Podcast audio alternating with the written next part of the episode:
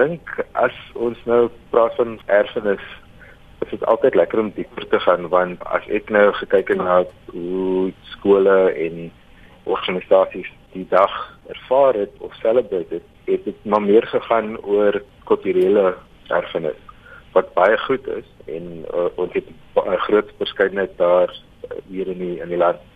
En dit is baie goed dat ons dit nou na vore bring en en nie verby die obvious goed gaan maar as ons nou 'n bietjie verder wil gaan en kyk na die diversiteit wat om ons is van 'n natuurperspektief dan het jy nog veel meer opsies. As jy nou byvoorbeeld jou omgewing sou in konteks bring van erfenis en dit wat mense oor die algemeen as erfenis beskou en wat hulle saambind as 'n gemeenskap, as 'n nasie. Hoe sou jy dit doen? Ons ons gebruik gewoonlik sport of selfs kos.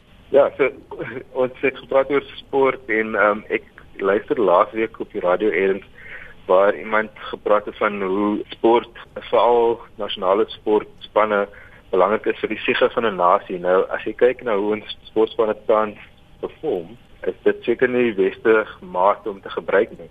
En anders as Bafana, ek kyk hulle is nou 80 op, op FIFA. Suid-Afrika een van die mega diverse lande in die wêreld, 18 van hulle en ons is gemaklik in die top 10. Dis nie 'n ranking wat gaan verander nie.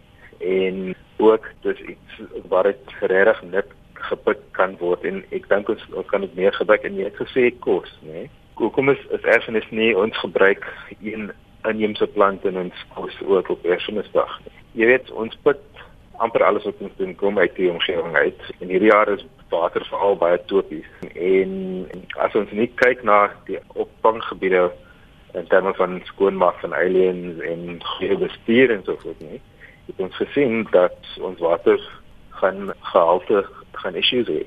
En ek dink dit word nou na vore toe gebring van huisjes om almal om die tafel te kry om te sê dis almal se verantwoordelikheid om na ons natuurerfenis te kyk en nie net 'n paar mense nie.